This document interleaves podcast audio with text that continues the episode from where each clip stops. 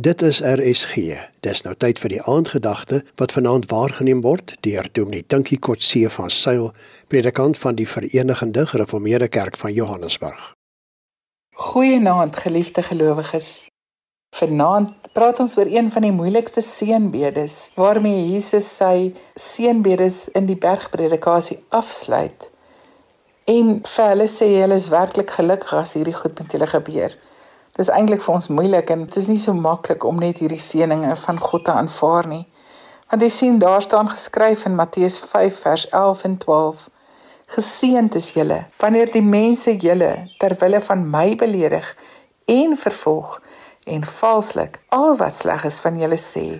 Wees bly en verheug, want julle loon is groot in die hemel. Hulle het immers die profete voor julle net so vervolg. Ons het gisterand gepraat oor vervolging omdat dit wat jy doen reg is of anders lyk as wat die wêreld dit doen. Vanaand sê die Here as jy met erkenning leef dat jy my ken, dat jy my liefhet, dat jy in my glo, dat jy lewe binne my wil berus en dat jy jou beywer in jou hele lewe vir die werk van my koninkryk, dan my geliefde gelowige dan sal jy ander vervolging ervaar. Dan sal daar mense wees wat jou haat en wat haatspraak teenoor jou uitspreek. Daar sal mense wees wat jou lewe bedreig. Partykeer oorwerk, partykeer sal jy met vlug as 'n Christen. Maar baie keer is dit subtiel. Baie keer sal jy agterkom mense werk ander mense uit by 'n werk omdat mense gelowig is. Baie keer sal mense selfs in die kerk seer kry omdat hulle op 'n baie meer kan ons maar sê praktiese en eenvoudige manier glo, maar tog invloed het meer as ander mense.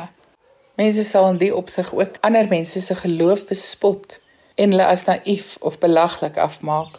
Mense sal dan ook soms die Here self bespot wie hy is, sy naam uitelik gebruik, hom afbreek en belaglik maak. En geliefdes, dan moet jy vir hom opstaan, dan moet jy lojaal wees teenoor die Here. Dan moet jy kan sê, maar asseblief, hierdie is my God.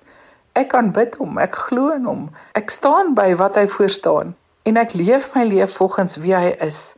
En dan mag jy ook dalk 'n teken word van mense wat jou goedheid misbruik en ander wat agteraf sal kom en vals dinge van jou sal sê en leuns oor jou sal versprei.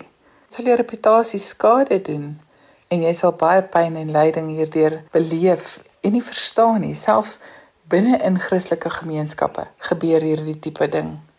Geliefdes dit is ons lyding. Dit is deel van Christelike lyding. En God vra van ons staan by my soos wat ek by julle staan want julle loon sal in die hemel vir julle wag.